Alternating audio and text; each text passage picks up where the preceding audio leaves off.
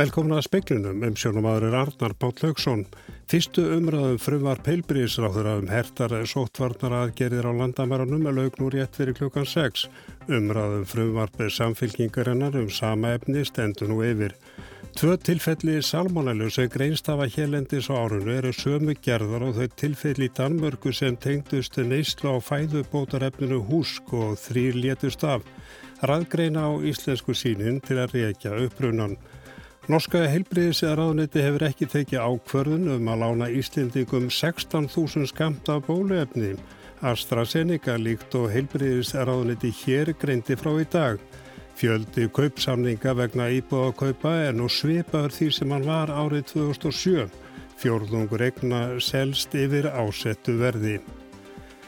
Fyrsta umræðum frumvar pilbyrjisáðara um sótvarnalög og um útlendinga hefur staði yfir á alþingi í dag og laugreindan úr rétt fyrir lukkar 6. Þingminn hafa gert nokkrar aðdóðsendir við útfæslu frumvafsins og kalla eftir að tilmælinni séu skýr. Mér finnst sjálfri uh, nokkuð ljóst að hér séu náttúrulega augljóslega málumnælega sjóna með að baki. Uh, mér finnst þessi leið líta þokkalega út að tekna tilliti til allra aðstæna og hér sé verið að reyna að milda þessa aðgerð með því að tímabinda hana. Þannig að við fyrstu sín myndi ég segja að mér finnst þetta líta þokkalega út. Ég hef undrað mig á því að hverju við nýtum ekki hótelin sem eru nála, í nálar við Keflavíkurflugvöll. Þau eru bæði nær og líka minni, þannig að það er hægt að bjóða upp á góðan aðbúnað. Þess mælist atvinnuleysi hátt á svæðinu sem um ræðir og það er sem sagt allt sem mælir með því að nýta hótelin þar. Flokkur fólksins er að koma með breytingatillögu við frumvarpið. Við viljum sóttkví undantekningarlaust fyrir alla þá sem telja sig eiga erindi hér um landamærin á þeim tíma sem við erum að verja okkur hér innan lands. Ég get ekki skilið í hvað í veröldinni þegar að marg, marg, marg koma fram hvaðan smitin okkar koma hér inn í landið. Það er marg, marg búið að sanna það og sína auðvitað dettur ekki kórónuveira hérna bara neðan úr skíjónum eða kemur með regnvatninu. Mér hefði nú fundist betur fara á því að hér væri lögð fram tvö frumvörp, annars vegar frumvarp heilbrigðisráðherra og hins vegar frumvarp dómsmálaráðherra, af því að þessi mál uh, heyr ekki bæði undir heilbrigðisráðherra heldur lítur önnur greinin hér um, uh, á um breytingar og lögum um útlendinga. Veitir uh, dómsmálaráðherra heimild til þess að gefa út reglugerð sem að bannar ónauðsynlegar ferðir til Íslands. En hins vegar fylgir, fylgir, því, svo margar og miklar undanþágur frá þessu banni við ferðum til Íslands að ég velti því fyrir mér hvort að það þjóni nokkrum tilgangi í rauninni að setja lög um þetta efni. Sagði Sigriður Andisen áður heyrist í Ingu Sælan, önnu Kolbrunna Árnadóttur og Þorbjörgu Sigriði Gunnlaugsdóttur. Stjórnalæknafélags Íslands gerir alvarlega ráðdóðsendu við þá fyrirætlan íslenskra stjórnvalda að endur skilgreina áhættumat sem alþjóðleg samstæðaríkir um og er grundvöldur sóttvarnar að gera innan evróska efnaðarsvæðisins. Þetta kemur fram í yflýsingu frá félaginu. Læknafélagi telur réttast að aðgerir á landamærum stýðist við að há áhættusvæði verði áfram skilgreind sem lönd þar sem er 500 tilfelli hafa greinst á 100.000 íbúa á síðustu tveimur vikum en ekki þúsund. Læknarnir taka þó undir í mikilvægi lagasetningarinnar og telja hana hluta af nöysilegum aðgerðum til að stemma stigu við útbreyslu faraldusins. Raðgreina á sín úr tveimur salmonellu síkingum hér á landi því þau eru að sömu gerð og salmonellu síkingar í Danmörkum sem raktar eru til húsk fæðubótarefnisins Þórtís Arlustóttir. Þrjú döðsföll í Danmörku eru rakin til neyslu á fæðubótarefninu húsk sem í var salmonella.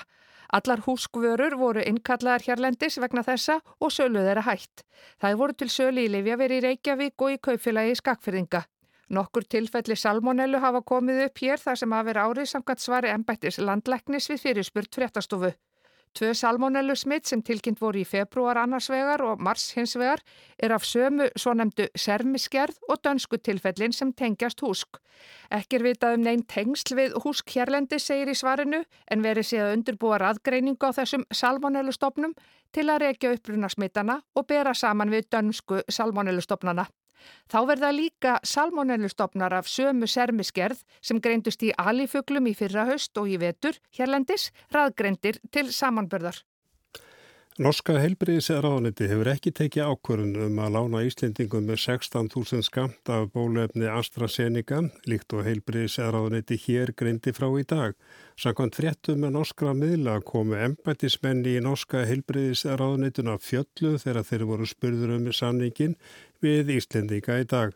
Í svari norska heilbriðisraðaniti sinns kemur fram að ensi verið að meta hvort að notkun AstraZeneca bóluefnisins verði haldi áfram í Nóriði. Nemt hafi verið falið að meta afleðingar af notkun efnis AstraZeneca og Janssens.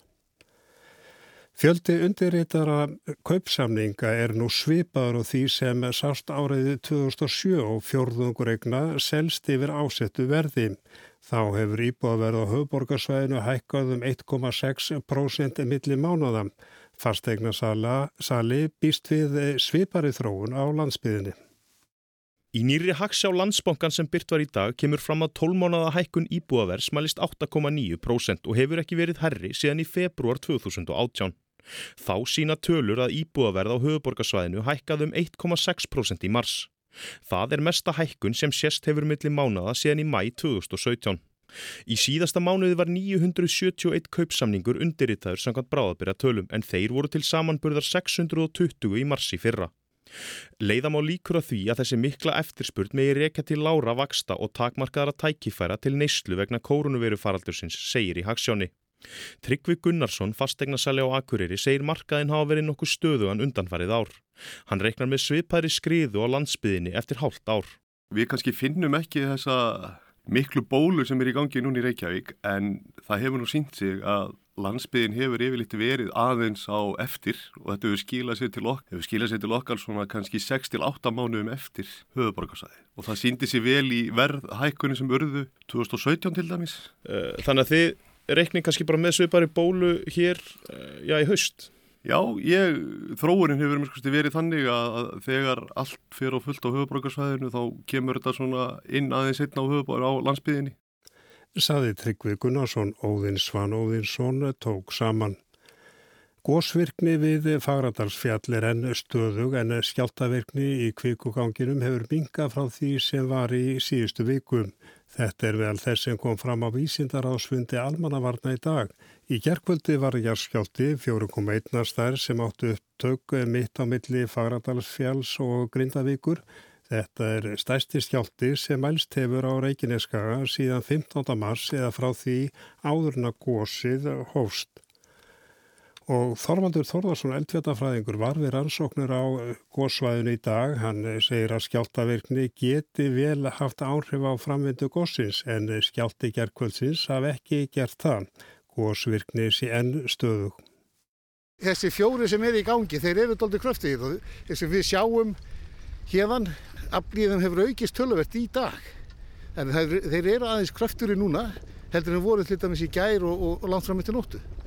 En síðan eru hinn í gigarnir líka og þeir eru ennþá í gangi, bæði þeir sem eru norðar og svo eru gigarnir, gamlu gigarnir, svo kölluðu, að þeir eru farin að taka við sér aftur. Og það var tölverð virkni í, í, í stróm, síðsta strómpinum í nótt. Þetta var Þorvaldur Þorðarsson. Og meira af þessu svæði bæjar á Grindavíkur valdi gæri nöfninni Fagradals raun og Fagra raun úr örnefnasækjefni sem blási var til í april um nafna og nýja raunin við Fagradals fjall. Um 340 tilugur bárust og voru þær hvaðanæfa að úr heiminum. Örnefna nefndi tekur það nú til meðferðar og skilar um sögn um nöfnin tvö en þetta voru einna vinsælustu tilugunar. Fannar Jónasson er bæjastjóri í Grindavík fundur bæjar ás núna á þrýðu daginn eh, tók þetta mál fyrir og niðurstaðan var svo eftir að hafa farið yfir þær hugmyndir sem bárust sem voru 339 möti þetta á vegið þá var niðurstaðan svo að hraunni myndi bera annarkort heitið fara dalsraun eða færa hraun. Þar var líka Ísólfsraun og, og Geldingadalsraun og Geldingahraun og Geldingahraun er til nú þegar á Reykjanesinu.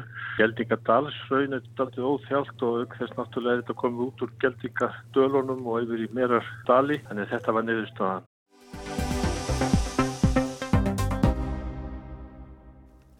Það er stend að því að frumvar peilbyrjisáður um breytingar á sótvarnareglum á landamæranum verði jafnilega lögum í kvöld og eins og saði hér áðan að þá laug umræðinu rétt fyrir klukkan 6. Frumvarpið hefur verið rætt eða var rætt frá því klukkan 2 í dag. En hver viðbröðu Jóhannesar Þós skúlasónar framkvæmdastjóra samtaka ferðarþjónustunar við þessum breytingum? Það leggst ágætlega í okkur að það skuli vera búið að setja þetta allt í samhengi við bólusetningar áallurina sem að sínir að það er stuft eftir að þessu öllu saman og þannig eh, myndast tækifæri til þess að, að eh, tengja saman afleytingu innanlands og afleytingu á landamærum. Eh, við höfum í rauninni enga sérstaka hagsmunni af því í aðra hvora áttina hvort að fólk tilur á sótarnarhóteli eða ekki. Það eru eftir sem aður sótt hverjar dagarnir sem að, sem að eh, hamla för fólks til landsins. Eh, þannig að, að í heldina litið teljum við það mjög jákvægt að það sé búið að setja upp skinsamlega áætlum byggða á gögnum varðandi bólusetningarnar og ég held að, að allt samfélagi geti verið bara mjög ánægt með það hvernig þetta lítur út. En svona hvernig lítur þá já, ferðamanna sömarið út? Ferðamanna sömarið lítur þannig út að núna fyrstu vikurnar og mánuðina, væntalega í mæ og júni, getur við fyrst og fremst búist við bólusettum ferðamönnum, þá bæði frá EES-svæðinu og, og líka utan Schengen, þar að segja frá Bandaríkjunum og Breitlandi fyrst og fremst. Það er helst bandaríski markaðurinn sem er að hreyfast núna og maður búast við kannski bólusettum ferðamönnum frá Bandaríkjunum í mæ og júni aðalega.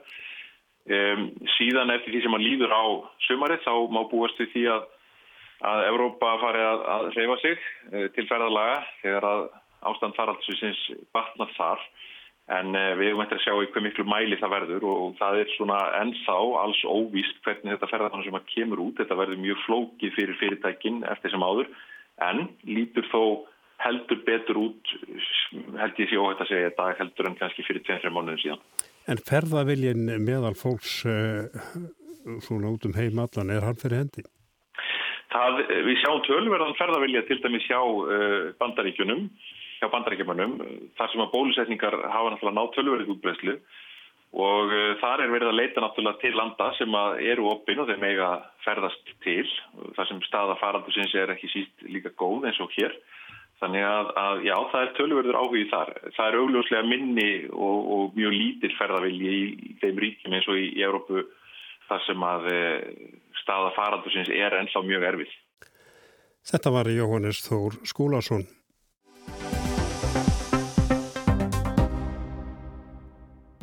Stjórnatími Castro-bræðran er á enda á kúpu og nýr maður komin í brúnan. Speillin er spáir í hvort það séu nýjir tímar framundan á eiginni.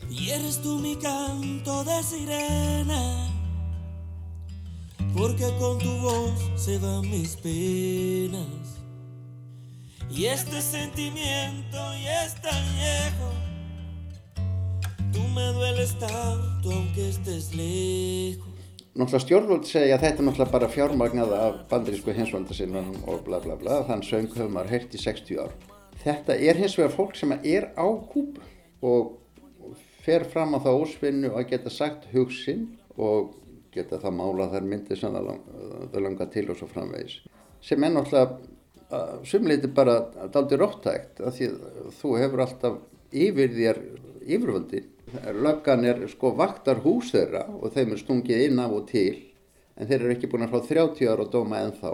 Þarna er Tómasar Einarsson tónlistamadur að tala um lista og mentamennina sem mynda Sani Síðrún, hópin á Kúpu. Listamennir koma fram í trási við lög um að þeir þurfi til þess leifi stjórnvalda. Þeim hefur verið stungið inn en vegna þess að nú hefur fólk farsíma og samfélagsmiðla hefur þetta vakið að tegli bæði á Kúpu og utan landsteinana. Eitt laga þeirra hefur slegið í gegn, Patria í víða, föðurland og líf.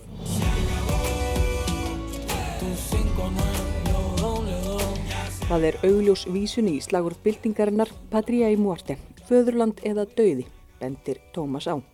Þetta er ekki hefðbundin, hvað ég maður kalla það, svona útlaga áráður af íhaldssömu tægi eins og maður lesstundum frá Miami, heldur óður til lífsins, svo gerist hátilegur og þetta tekur á því lít flög á kúpu og þannig komið eitthvað sem þeir ráði ekki yfir og það er það sem að gerist með þessum samskiptum. Þannig er komin fjölmiðil sem þeir ráði ekki yfir. Þetta hefur aldrei fyrr á sér stað. Aftur að þessu á eftir. Það hafa orðið tímamót á kúpu. 60 ára valdatíð Castro-bræðrana er formlega lokið.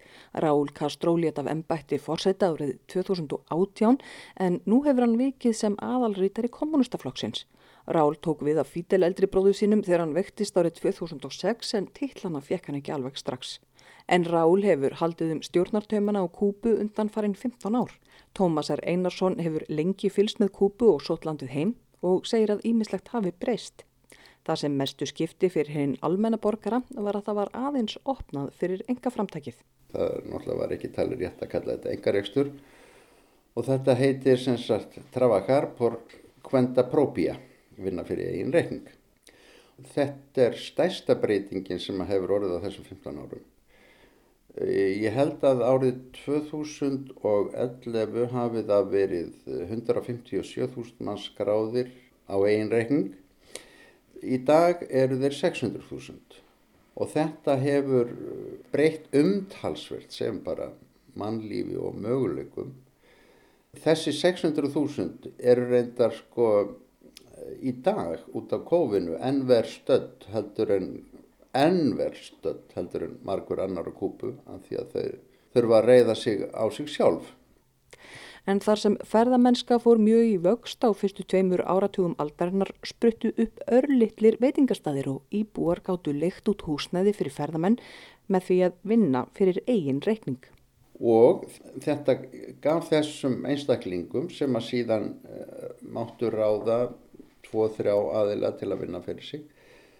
Gaf þeim einfallega færi á að beita sér meira og hinn lamandi hönd ríkisrektarins var náttúrulega átakalega ábyrrandi mjög víða. Þannig að mm, víða til að mynda þegar ég var þarna síðast fyrir tveimur árum í nokkra mánuði þá sko sá maður það fannst mér sko litlum búðu jæmbel og á ýmsavegu að fólk einfallega já, gæt beitt sér meira og það verður einfallega játast hvort sem að manni þykir það gott eða ekki að það að vinna fyrir eiginreikning skilaði miklu betri hlutum. Tómas bendir á að herin hafi mikil ítök í hagkerfinu. Rál var aðisti yfirmaður hersins áratugum saman og herin hefur stýrt ímsum fyrirtækjum í ríkisegu til að mynda hótelum og öðrum rekstri í ferðarþjónustu þaðan sem stór hluti þjóðarteknana kemur. Þessu stýrir fyrverandi tengtasónur Rál Kastrós sem nýtur enn tröst skamla mannsins þrátt fyrir skilnað við dótturina og hjá honum liggja umtalsverð völd. En nú að nýjum leðtóa kúpu, Miguel Díaz-Canel. Hann er fættur eftir byltinguna, hefur klefið metorðarstegan innan kommunistaflokksins og er ekki herfóringi. Þetta þýðir þó ekki að hann sé í neitt grunn öðru vísi og, og hann náttúrulega valin í þetta starf, alin upp í þessu starfi þarna til að taka við og bara hægri hönd Raúls og hefur raunni engan hann í sjálfu sér hefur enga möguleika að nega neinu til einn og sér. Stjórnvöld á Kúbu hafa lungum treyst á fjárhagsaðstóð frá öðrum til að halda ríkinu á floti. Sovjetríkjónum sálugu sérstaklega en eftir að þau liðu undir lok tók við tíu ára tímabil mikilla efnahagstrenginga. Svo kom Hugo Chávez, fórseti Venezuela til bjargar með ódýra ólju í skiptum fyrir velmentað heilbriðistarsfólk og kennara. En nú er Venezuela líka eillastatt og sendir miklu minna af ólíu til Kúbu. Og vegna COVID vantar ferðamennina, byðraður eftir mat og öðrum nöðþurtum lengjast. Það er vöruskortur, staðan er slæm.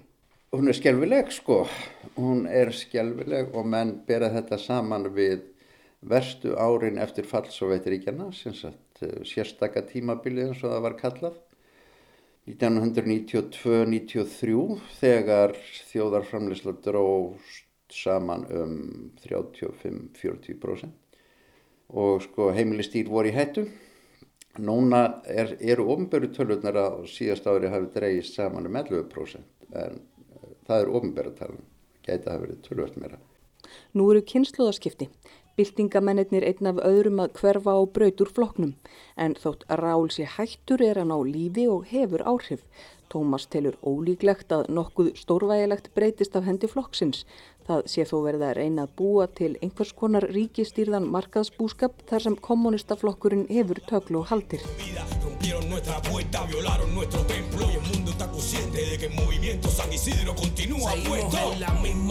En aftur að listamönnum, snjálfsýmum og samfélagsmeilum.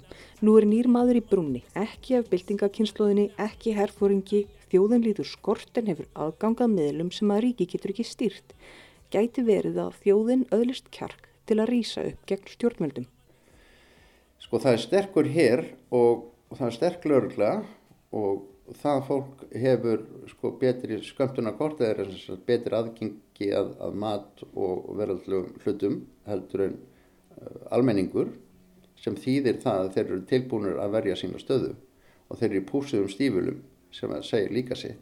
En það er náttúrulega, það var í sjálfsmorða að alla sér að fara að þyrpast út á götur og segja niður með Díaz Kanel það er náttúrulega bara herin ræður. Það er ekkert flóknarnir það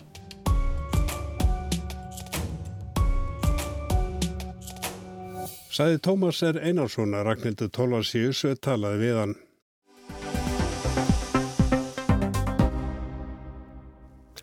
Þorkell Lindberg Þorrarinsson tók við sem fórstjóri náttúrafræðir stopnunar Íslands um síðust áramót. Jón Gunnar Óttarsson leta á að störfum en hann var fórstjóri stopnarinnar í 27 ár. Speilin settist niður með Þorkalli í höfustöðum náttúrafræðistofnunar í Urraðholti í Garðabæm og hann segir að hlutverk hennar sé mjög viðamikið hlutverki snýst um kortlagningu á náttúrunni og rannsóknir. Hún hefur svona fjölþættu hlutverki að gegna í því og er svona líkil stopnun á landinu við náttúru rannsóknir.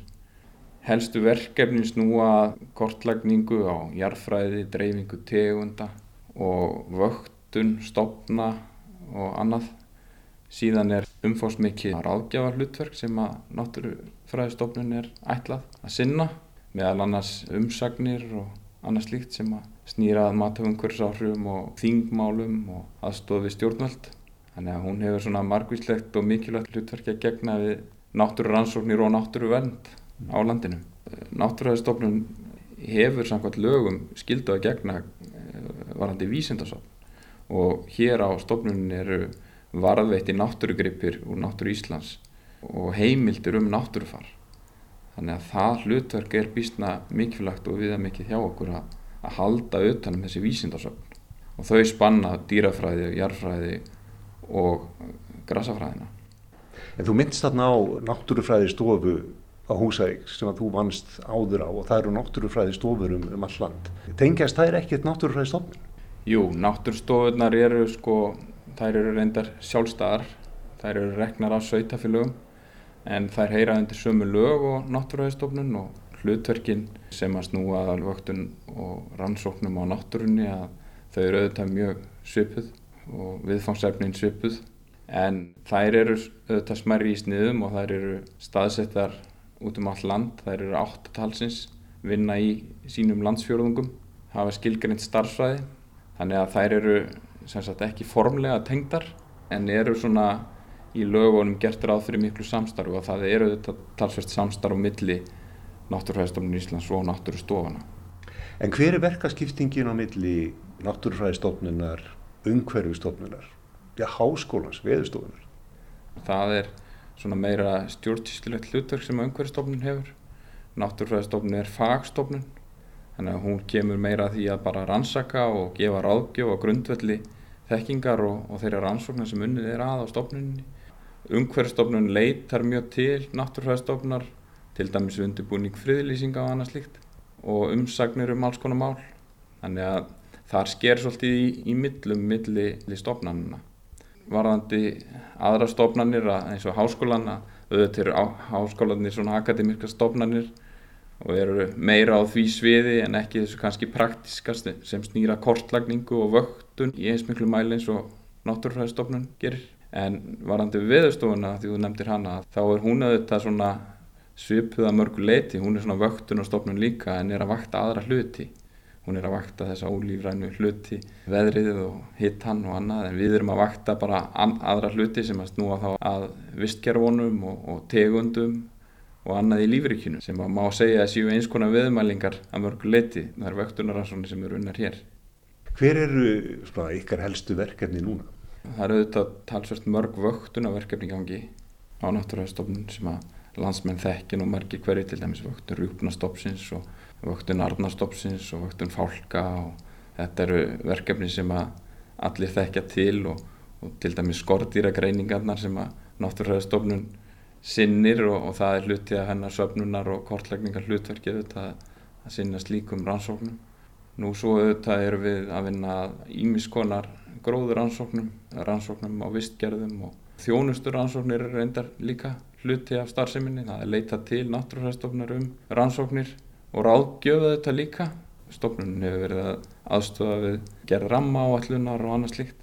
Þannig að þetta eru auðvitað mjög viðamikil verkefni sem unnið er að en, en síðan líka það sem snýra jarfræðinni að það er verið að kortleggja og útbúa jarfræði kort á landinu og kortleggja laus jarðlög og annað slíkt. Það heyri stundum í fréttum, það eru frjókornamælingar og það eru jafnvel miklu mælingar sem að þið sinnið.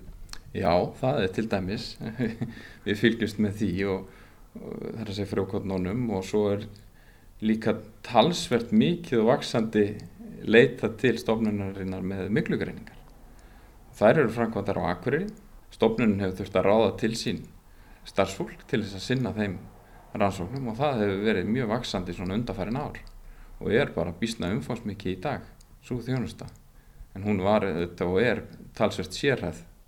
Þú myndist líka á jarfræðina og nú er nú heldur betur margt í gangi á landinu okkar. Hver er ykkar aðkoma að í rannsóknum á eldgósunu í geldingadölum og meradölum? Já, náttúrufræðistofnun hefur þetta söpnunar og varðveislu hlutverk á heimildum um náttúru landsins og jarfræðingarstofnunar hafa verið að taka til dæmi síni af hrauninu sem eru varðveitt á hér í vísindasafni stofnunarinnar. Og svo hafa jarfræðingarstofnunar líka verið að kortleggja bæði fyrir í aðdrahanda eldgósins og svona á meðan því hefur staðið hafa verið að kortleggja með loftmyndatökum og gerð þrývita líkana og annað af hraunflæðinu í samstarfi við almannavarnir og aðra vísindamenn sem eru að stunda rannsóknir á svaðinu. Hver er þín sín á umhverfismálinn hér á landi næstu áratvíina? Hvað er það sem að menn þurfu að huga að hér fyrst og fremst? Já, það er nú kannski, myndi ég segja, aukin vöktun á landinu. Ég held að það þurfi að bæta talsvert í þar og kortlagningu á ýmsum hlutum sem snúa náttúrunni. Það er núna uppi auðvitað blikur í náttúrufari á landinu með hlínandi lofslægi og annað slíkt sem að mun þrengja að til dæmis tegundum og annað sem að munu missa eða þrengja að búsaðan þeirra.